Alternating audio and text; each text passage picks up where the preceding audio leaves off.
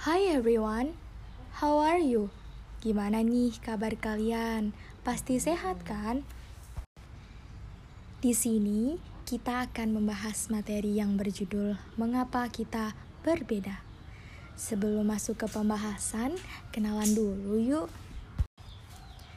Sadarkah kalian mengapa kita semua bisa berbeda?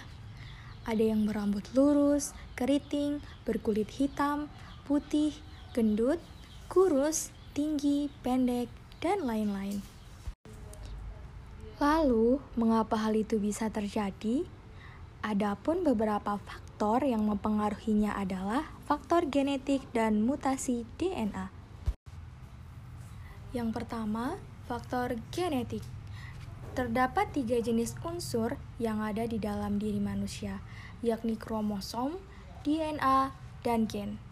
Secara normal, setiap manusia pasti memiliki jumlah kromosom yang sama.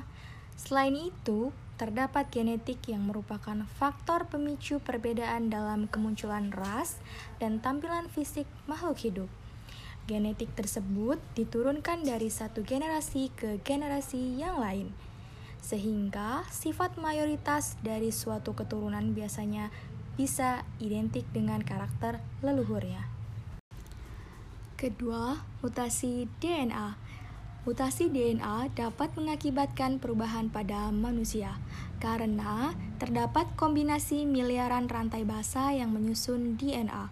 Kombinasi tersebut memicu adanya perubahan karakter genetik yang akhirnya membentuk keragaman genetika.